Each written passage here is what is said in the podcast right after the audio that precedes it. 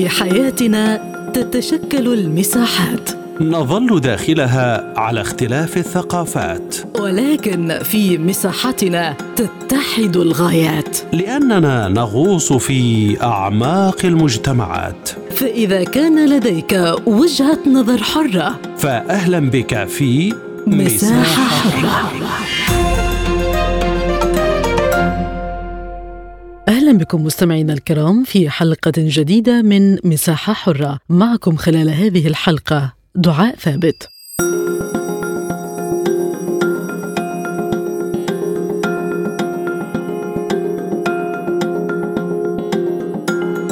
أعلن رئيس الحكومة العراقية محمد شياع السوداني عن مشروع طريق التنمية الذي يمتد من أقصى جنوب العراق إلى تركيا. وقال السوداني خلال كلمته في افتتاح مؤتمر طريق التنمية إن طريق التنمية بما يحمله من منصات للعمل وقيمة مضافة للنواتج القومية والمحلية ورافعات اقتصادية. هو خطة طموحة ومدروسة لتغيير الواقع نحو بنية اقتصادية متينة مضيفا أن هذا المشروع ركيزة للاقتصاد الاقتصاد المستدام غير النفطي وعقدة ارتباط تخدم جيران العراق والمنطقة. وأشار السوداني إلى أن ميناء الفاو الكبير في محافظة البصرة قطع شوطا كبيرا نحو الإتمام وسيكون بوابة لهذا الحراك الاقتصادي المهم. وسوف تتكامل مع الميناء المدن الحضرية التي سنؤسس بجوارها مدينة صناعية ذكية. هي الأحدث في المنطقة والعالم وستحاكي التطور التكنولوجي الحالي والمتوقع للسنوات الخمسين المقبلة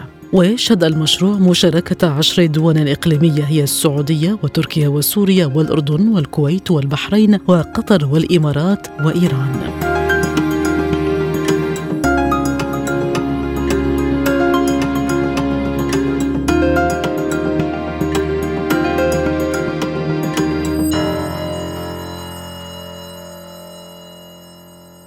المزيد من المتابعة حول هذا الموضوع ينضم إلينا استشاري التنمية الصناعية والاستثمار عامر الجواهري سيد عامر بعد التحية ما هي تفاصيل مشروع التنمية وماذا عن الجداول الزمنية لإنجازه؟ تحياتي لحضراتكم وكافة المستمعين الكرام كما أعلن طريق التنمية في العراق الذي لاقى ترحيب من الجارة الشمالية تركيا وواضح الترحيب من دول الجوار والجارة كذلك إيران. طريق يتضمن أساسا هناك موضوع إنشاء ميناء الفاو الكبير اللي يطل إطلالة العراق على الخليج العربي واللي المرحلة الأولى منه قيد الإنشاء. الفكرة الأساسية هي ربط جنوب العراق بشماله بمعنى ربط الطرف العلوي من الخليج العربي الذي يرتبط ببحر العرب وبآسيا يرتبط مع تركيا من خلال تركيا نحو أوروبا. هذا الطريق يتضمن الفكرة الأولية منه تتضمن خطوط سكك حديد وطرق برية حديثة جدا كلاهما. يمر بعشرة محافظات عراقية. هذا المنظور الأولي مع الدراسات الأولية نحن نعتبرها. المتصدين للموضوع نعتبرها دراسات أولية. يتضمن إضافة للطرق البرية هذه السكك والشاحنات. يتضمن تطلعات لإنشاء مناطق اقتصادية وصناعية وتنمية الزراعة والسياحة من خلال مرورها بهذه المحافظات العشر ومن خلال توجهه له الارتباط شرقا بالدولة الجارة إيران وغربا بالدولة الجارة سوريا وطبعا الأردن كذلك. النقطة الأساسية التي نحن نتطلع لها الآن هذا الفكرة قبل ما أنتقل الذي جرى في بغداد يوم السبت 27 مايو الحالي هو لقاء الممثلين كان يفترض عشرة أو لنقول عشرة دول العراق والجوار وتركيا وإيران والخليج العربي هي استطلاع أولي لما المطلوب ما هي تطلعات تلك الدول لذلك نحن تداخلنا المتصدين العديد من المتصدين للموضوع ما هي تطلعات الدول التي حضرت مؤتمر طريق التنمية في بغداد؟ كيف ستستفيد من هكذا مشروع؟ شخصيا والعديد من المتصدين كذلك نفترض أنه هذا الموضوع هو لا يتعلق بدولة واحدة وكما كما حصل في اليوم السبت 27 مايو الماضي الموضوع يرتبط لنرجع قليلا إلى الوراء ونرى اللقاءات الموسعة يعني مؤتمر بغداد الأول والثاني وسينعقد الثالث وقمة آه، العلمين وقمة عمان وقمة الرياض وقمة جدة القمة العربية. كلها تتطلع إلى التعاون الاقتصادي والنشاط الاستثماري البيني والعلاقات التجارية البينية ما بين الدول العربية.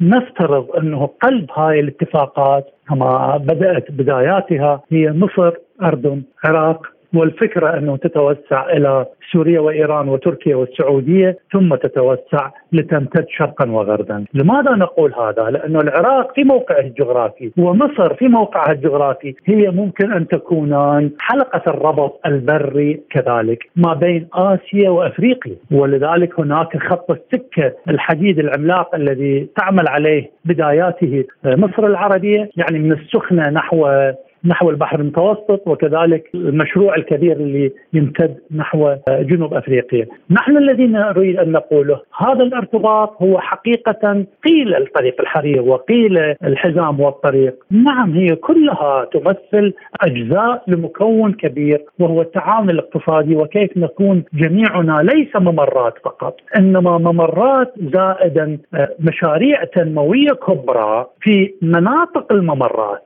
يعني إحنا لا نريد أن نكون مجرد ترانزيت أو ممرات نمر عبور البضائع هذا لا يكفي ابدا ابدا ولن يكون مجدي بالمناسبة. ان أستثمر يعني النظرة الأولية لفقط هذه الخطوط البرية النظرة الأولية 17 مليار وإلى ما بين 17 و 18 مليار دولار. طيب المردود ما هو ال return of investment؟ نعتقد ال return of investment الحقيقي عندما أنفذ أو أستدرج الاستثمارات الأجنبية المباشرة لتأتي أم ربما تستثمر جزئيا بهذه المشاريع لكن الأهم أن تستثمر في مشروعات كبرى على مسار تلك الطرق لتستفيد من الميزة النسبية لكل منطقة سواء بالمواد الأولية المتاحة سواء بالقدرات البشرية المتاحة وبأسواقها أيضا لأنه هي كل منطقة ستكون سوقا وسوقا محلية وسوقا لتصدير منتجات المشاريع الاستثمارية المتوقعة. سيد عامر ماذا عن تمويل المشروع؟ أه لحد الآن لم يوجد قرار أو توجه كيف سيتم التمويل. ولذلك قلنا الاجتماع هذا أولي. التمويل نعتقد جازمين نحن. هناك العديد من الآراء.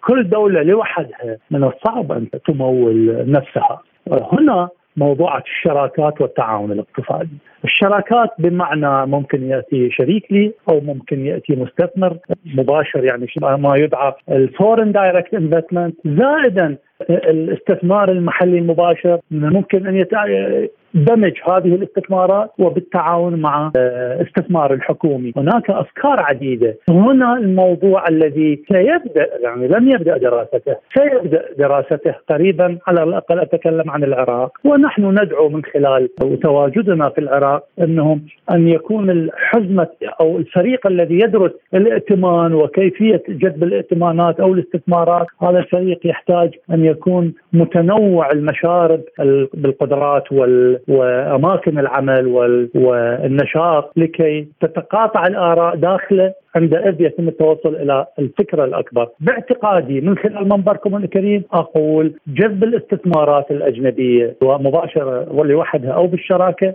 مع المحلية وعندما نقول المحلية ممكن خاص وعام، الشريك سيكون مسؤولا ويتحمل آه، عبء ويكون عنده المبادرة لإنجاح المشروع تسويقا اداره واقتصاديات تحسين اقتصادياته. أؤكد ضرورة دخول الاستثمارات الأجنبية التي ممكن أن تكون هي صاحبة المصلحة أيضا في نجاح هكذا مشروع كبير. الذي يرتبط أؤكدها برأيي الشخصي ممكن أن يكون ذو ارتباط عميق مع مشاريع الحزام والطريق التي هي متعددة، يعني عندما نقول الشرق الذي يعني النفوس البشرية الكبرى هي متجمعة في الشرق الآسيوي، وهذه هي منتجة وسوقا بنفس الوقت. هذا السوق هذه البلدان لديها العديد من الممرات وهناك آه، ما بينها وما بين أوروبا. وطبعا مع الولايات المتحدة أو الأمريكتين هناك العديد من التواصلات لأنه النقل البحري هو الحقيقي. لكن لدينا أوروبا وأفريقيا. أفريقيا قارة نامية. لا تزال في بدايات مرحلة النمو. لذلك نقول إنه هذه الخطوط التواصل ما بين الشرق والغرب عليها منافسة شديدة. وأحيانا المنافسة ليست اقتصادية فقط لكن تدخل بها المنافسة السياسية وأحيانا تكون هناك بعض العنف هنا وهناك له علاقة بالسياسة وله علاقة بالمنافسة الاقتصادية، لكن نحن نؤكد من خلال منبركم الكريم العلاقات الاقتصادية الجيدة هي إحدى وسائل تحقيق السلام والسلام معناها تنمية أكبر معناها أرباح أكثر. هل يكون طريق التنمية منافسا لقناة السويس أم مكملا وداعما في سبيل التنمية؟ أنا أعتقد مكملا في سبيل التنمية طبعا آه، ملاحظة مهمة لأنه نحن نتوخى آه، تنمية المناطق التي يمر بها هذا الطريق زائدا امتدادات شرقي شرقا وغربا. لأنه هو يمتد من الجنوب نحو الشمال لذلك أقول شرقا وغربا. الامتدادات شرقا وغربا داخل العراق هي المناطق العراقية لأن هناك محافظات تعاني. ونأخذ بنظر الاعتبار بداية القفزات النمو السكاني في العراق. الآن نحن على أعتاب ال 43 مليون نسمه بدأت الزيادة تصاعديه تسارعية. التنمية ضرورة قصوى للبلد. لكن بنفس الوقت هي تمتد ولذلك أنا نوهت وأؤكدها الآن إنه هي لا تتقاطع لا مع قناة السويس ربما قد يكون هناك تتنافس مع خطوط أخرى تمتد من خلال الباكستان الطريق الذي الذي نجح في اعتماده الصينيين في الذي يمر بقطار السكة ووصل إلى إنجلترا بأيام قصيرة يعني أقل من نصف المدة بكثير. من البحر. هذه التجربة هي جربت لكن الآن تداعيات سياسية بدأت تلعب دور. أعود للموضوع. أفترض جازما لست جازما متأكدا أنه لا يتقاطع ولا يتنافس مع قناة السويس بدليل أنه إحنا نطمح إلى إنشاء مدن صناعية واقتصادية وكذلك نقول الربط استمرار الربط السككي ان تحقق ممكن يذهب غربا عبر الأردن باتجاه مصر ونفترض هناك شبكة المواصلات السككية التي تنطلق من مصر العربية نحو أفريقيا. هذا الذي نقوله يحتاج آه، مرة ثانية أشكرك على السؤال يعني تنسيق متصاعد لدول مؤتمر بغداد بهذا الموضوع، يعني لنتكلم عن الاقتصاد أكثر وهذا المشروع كبير للغاية لكن يفترض أن لا نتأخر بالتفكير به. نحتاج نضع اللبنات ونتحرك عليه بتنفيذ أجزائه. وكيف يمكن التنسيق مع دول مثل مصر وهي لم تكن ممثلة في المؤتمر؟ ولذلك أنا اقترحت آه، مؤتمر دول مؤتمر بغداد اللي يضم آه، الكور تبعه هي مصر والأردن والعراق.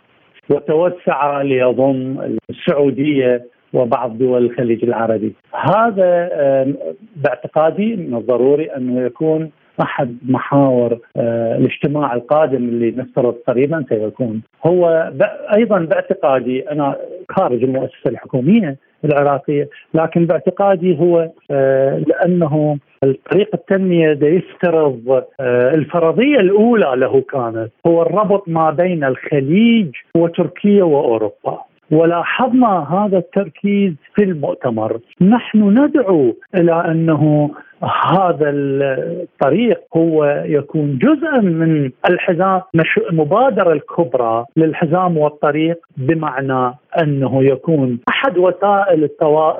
وسائل والدعامات للحزام مشاريع الحزام والطريق ما بين الشرق والغرب عندئذ ستكون يعني يتم الزج يفترض بممثلي الصين والهند وكوريا واليابان مع دول أوروبا الغربية مع شقيقتنا الكبرى مصر العربية وهكذا لكي ننتقل من المحلية وليس للإقليمية إنما إلى الدولية.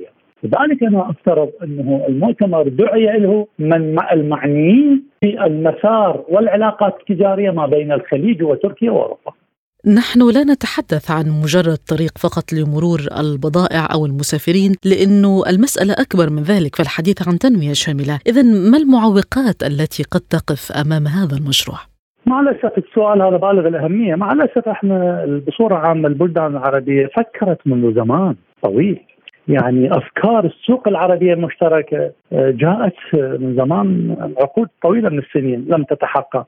الآن نحن لا نفترض هناك جدية على الأقل من الجانب العراقي هناك جدية. توقعات أي توقعات أخرى قد تكون منافسة خفية من هنا ومن هناك. لذلك العلاقات السياسية هي الأهم باعتقادي عندما يكون هناك اتفاقات سياسية ونية صادقة من المتحالفين زائدا إرادة آه، صادقة حقيقية عندئذ يتم تكليف فريق أو هيئة عليا تنسق ما بين هاي هذه الأطراف آه هذا واحد. أنا ألمح لمحت قبل قليل الآن أذكرها بأكثر قوة وهو آه التحديات هي المنافسة هي المنافسة مثال قد تكون بعض الدول تريد أن تجلب نحن كما نقول النار نحو الخبز أو الرغيف الذي تريد أن تصنعه. هي. لذلك لابد أن نكون هناك منتهى الوضوح لأنه هذا الممر اللي هو فيه بعض التعقيدات. قد تكون هناك ممرات أخرى أسهل لكن نعتقد هذا الممر آه عندما يدرس من الجوانب الفنية من الممكن أن يكون آه أكثر سهولة. شرط أن تتولى الدولة المضيفة أو صاحبة الفكرة اللي هي العراق أن تتولى خطوات وإجراءات عديدة لتحسين بيئة الاستثمار وزيادة الاستقرار والاستقرار بكافة نواحيه السياسية والاقتصادية والاجتماعية والأثنية هذه الخطوات بدأت الحكومة العراقية على الأقل الأخيرة آه، تتبناها إنما يحتاج جهود أكبر، هذه جزءا من التحديات، لكن الإرادة وخاصة عندما سيكون هذا مشروعا ان صح التعبير يمر بمنطقة عربية فنتوقع دول التحالف العربي أو نسميها ماذا نسميها آه، حلف بغداد أو مؤتمر بغداد، دول مؤتمر بغداد الموسع لأنه آخر جلسة عقدت له شاركت فيه تسعة دول عربية. نفترض أنه ضرورة إشراك الجيران تركيا وإيران آه، فيه عندئذ تتحقق المصلحة مع إيجاد وضرورة إيجاد ضمانات آه، طويلة المدى ضمانات تدخل في باب التشريع من تلك الدول، التشريع يتحول إلى صفة ملزمة بعيدة المدى عندما تتبدل الحكومات التشريع والفرق آه، التي تعمل على هذا الموضوع. طويلة الأمد نضمن ديمومة المشروع واستدامته. هل يساهم في فك الارتباط بالاقتصاد المعتمد على النفط؟ طبعا طبعا هذا هو المهم، نحن على الأقل بالنسبة لنا في العراق وطبعا هو يلاحظ كثير من البلدان النفطية الأخرى، نتكلم عن العراق، هذا هو أحد التوجهات نحو تنويع الاقتصاد تنويع الموارد لذلك نقول الطريق لن يكون أقولها شخصيا الطريق لن يكون مجديا إذا لم يرتبط بمشاريع اقتصادية متعددة بكافة الأصعدة.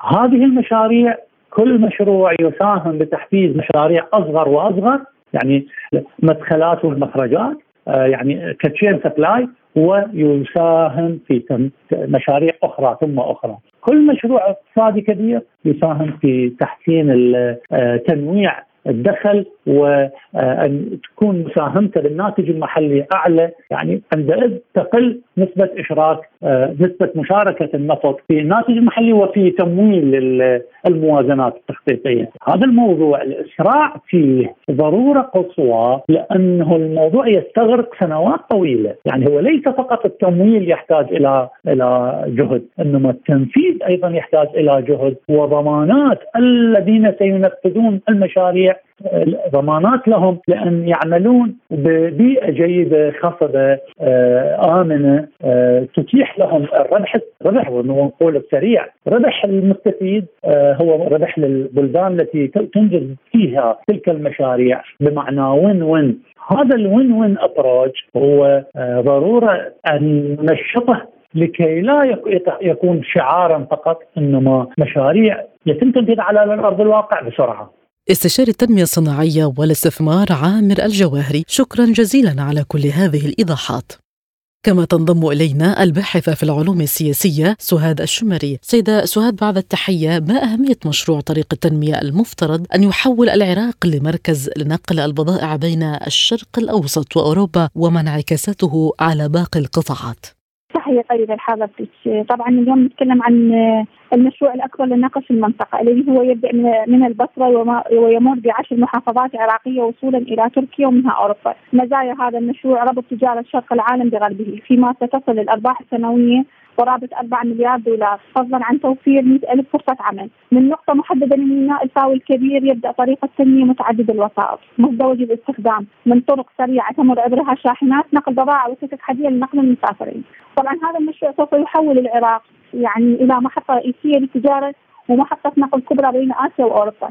زمن الرحلة سوف ينخفض. يعني سابقا كان 33 يوما 33 يوما اليوم سوف بعد إنجاز هذا المشروع سوف تكون مدة الرحلة 15 يوما لأن هناك اقتصاد كبير في عامل الوقت. صرحت الحكومة أنه تصل لكلفة المشروع إلى 19 مليار دولار. 10 مليار دولار منها سوف تكون لشراء قطارات كهربائية سريعة تنقل الحمولات في غضون 16 ساعة. ينفق المتبقي لنفس شبكة سكة الحديد بطول 1200 كيلومتر. بحسب وزارة النقل صرحت أن المشروع سوف ينجز بحلول عام 2022 حاليا وصلت نسبة إنجازه بدءا من ميناء الفاو من الكبير يعني نسبة ما يقارب ال 40% مع أداة النفط القياسية تتمتع الحكومة الجديدة بفرصة فريدة. يعني حتى تنوع اقتصادها اولا، التصدي للتحديات الهيكلية المتعلقة بالمناخ طويل الأمد ووضع الاقتصاد على مسار أكثر مرونة واستدامة بانتهاج مشاريع تخدم الواقع العراقي والاقتصاد العراقي والشعب العراقي لأنها سوف توفر فرص عمل وتعمل على استحداث البنية التحتية للمناطق المتهالكه والمتروكة على غرار سنوات سابقة، في هذا السياق نظام البنية التحتية سوف يكون حديث متعدد الوسائط، راح يتألف من موانئ مطارات طرق سريعة خطوط سكك حديدية جديدة. يتوافق حسب تصريحات أيضا المختصين يتوافق مع أعلى المعايير الدولية وأفضل الممارسات الهندسية. هذا راح يسهل في العراق التنميه الاجتماعية والاقتصادية وتنويع العراق والدول المجاورة ذات الصله هل أفهم من حضرتك توافر كل الإمكانيات لنجاح هذا المشروع؟ كل الإمكانيات. أنا ذكرت لحضرتك انه نسبة انجاز المشروع يفرض 40% عن العراق باشر به هذا المشروع، هناك اتفاقات أيضا جرت مع الدول المستفيدة منها تركيا وكانت مرحبه لانها سوف تكون ثاني دولة مستفيدة بعد العراق من هذا المشروع، هناك العراق سوف يكون حلقة وصل بين قارة أوروبا وقارة آسيا. العراق عاد كلاعب جيوسياسي في الفترة الأخيرة مهم في المنطقة قرر وجهات نظر بين الغريمين القطبيين المتخاصمين المملكة العربية السعودية وإيران كان راعي للحوارات واللقاطات آه، العراق بدأ يتعافى. بالتحديد من زيارة بابا الفاتيكان إلى العراق حيث أعاد العراق إلى المنصة العالميا وكان آه يعني تحت أنظار العالم. بالتالي هناك سياسات أخيرة انتهجت تصب في المصلحة العامة للعراق. آه هناك نوعا ما استصاب للامن بين القوى والمكونات السياسية مما يعكس على استصاب الامن المحلي ومن ثم ينعكس على العلاقات الخارجية ومن ثم ينعكس على نوع الاقتصاد الذي سوف يحدث لأن الدول الآمنة امنيا والمستقرة اقتصاديا ولديها تنوع واردات ولديها موارد طبيعية كثيرة سوف تكون أكثر الدول محط جذب للاستثمار من الدول التي تريد أو تبحث عن استثمار الطاقة. ما سيناريوهات تمويل المشروع؟ هل الحكومة قادرة على ذلك؟ وما موقف الدول المستفيدة من المشروع من ناحية المشاركة في التمويل؟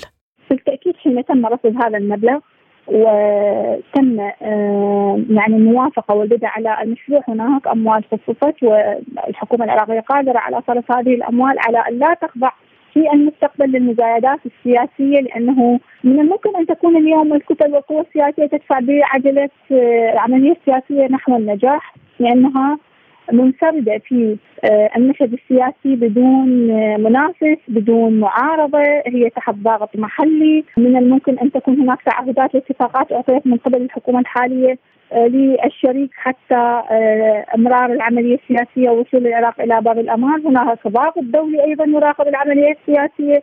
ممتعض كثيرا من إداء القوى والأحزاب السياسية على غرار عقدين من الزمن، هذه كلها عوامل تدفع بمسيرة هذا المشروع بالنجاح، فأعتقد إنه في الوقت الحالي وفي المعطيات المطروحة حاليا سوف تكون جميع الأطراف دافعة لنجاح هذا المشروع على الرغم من انه بعض هناك من أصوات المعترضين الذين كانوا يشجعون طريق الحرير لكن هذا سوف يعم بالفائدة على آه، الشعب العراقي اولا ومن ثم توفير فرص عمل لدينا شباب كثير عاطل عن العمل هناك قطاع خاص وهناك أمور كثيرة يعني آه، توقف ظلالها على الصالح العام بناحية جيدة. ما تأثير الوضع الأمني والاستقرار على إتمام المشروع والأعباء الملقاة على الحكومة لتأمينه؟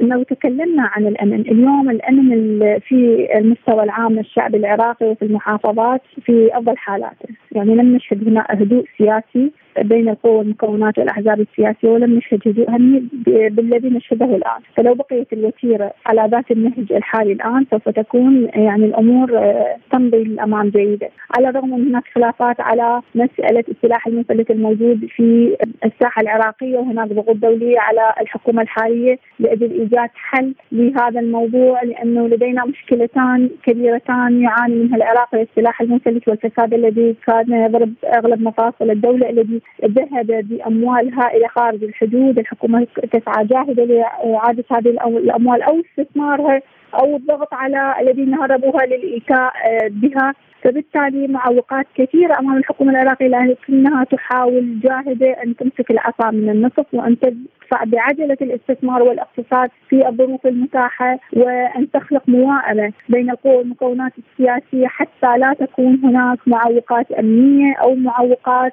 باستحداث قرارات سياسية من شأنها أن تعطل مسير البلاد. ما انعكست هذا المشروع على الوضع الإقليمي للعراق والدور الذي سيلعبه بعدما يكون حلقة وصل بين الشرق والغرب؟ طبعا هو سوف يكون لاعب جدا مهم في المنطقة ومن الناحية الاقتصادية سوف تكون هناك نهضة عمرانية داخل الأراضي العراقية سوف يكون محط تجارة رئيسية رابطة بين قارتين مهمتين بالتالي سوف يعود العراق كلاعب مهم في المنطقة هو عادة يعني هو إحنا العراق لو رأينا إنه في الفترة الأخيرة بدأ يتعافى من كثير من الأمور آه يعني اليوم المشروع الاقتصادي من الممكن أن نعيد العراق إلى مصاف الدول آه التي تتمتع بسيادة اقتصادية نوعا ما لو تم يعني الوصف صحيح. آه الحكومة تسعى جاهدة لتنويع مصادر الاقتصاد اقتصادنا ريعي نفطي يعتمد على النفط فقط متأثر بأسعار النفط لدينا موظفين لدينا ميزانيات يعني ترصد لرواتب الموظفين وهذا بحد ذاته يشكل خطر على الاقتصاد العراقي آه، وعلى الشعب العراقي أيضا لأنه لو نزلت أسعار النفط سوف يعني لن تكون الحكومة قادرة على تغطيه رواتب الموظفين وهذه مشكلة بحد ذاتها من الممكن أن تؤدي بالشارع ضد الحكومة وسياساتها، حكومة السيد السوداني آه، بدأت آه، بوضع خطط خمسية وعشرية لأجل درء هذا الخطر وسميت بعام هذا العام عام المشاريع. هناك أكثر من خطة آه، وضعت للنهوض بالقطاع الاقتصادي والقطاع الزراعي، هناك حملة إعمار حاليا في بغداد والمحافظات لم نشهدها منذ سنوات إعادة البنيه التحتية، فبالتالي نوعا ما هناك قبول جماهيري، قبول سياسي، قبول دولي خطوات هذه الحكومة على أمل أن تكلل بالنجاح وأن تبتعد عن المحافظة الحزبية والسياسية وأن تبتعد عن آه، المصالح الحزبية التي تدفع آه، بالقوى السياسية لأخذ مصالحها أولا على حساب الشعب العراقي. الباحثة في العلوم السياسية السيدة سهاد الشمري شكرا جزيلا على كل هذه الإيضاحات. الشكر موصول لكم مستمعينا الكرام. بإمكانكم الاطلاع على المزيد عبر موقعنا سبوتنيك dot A, E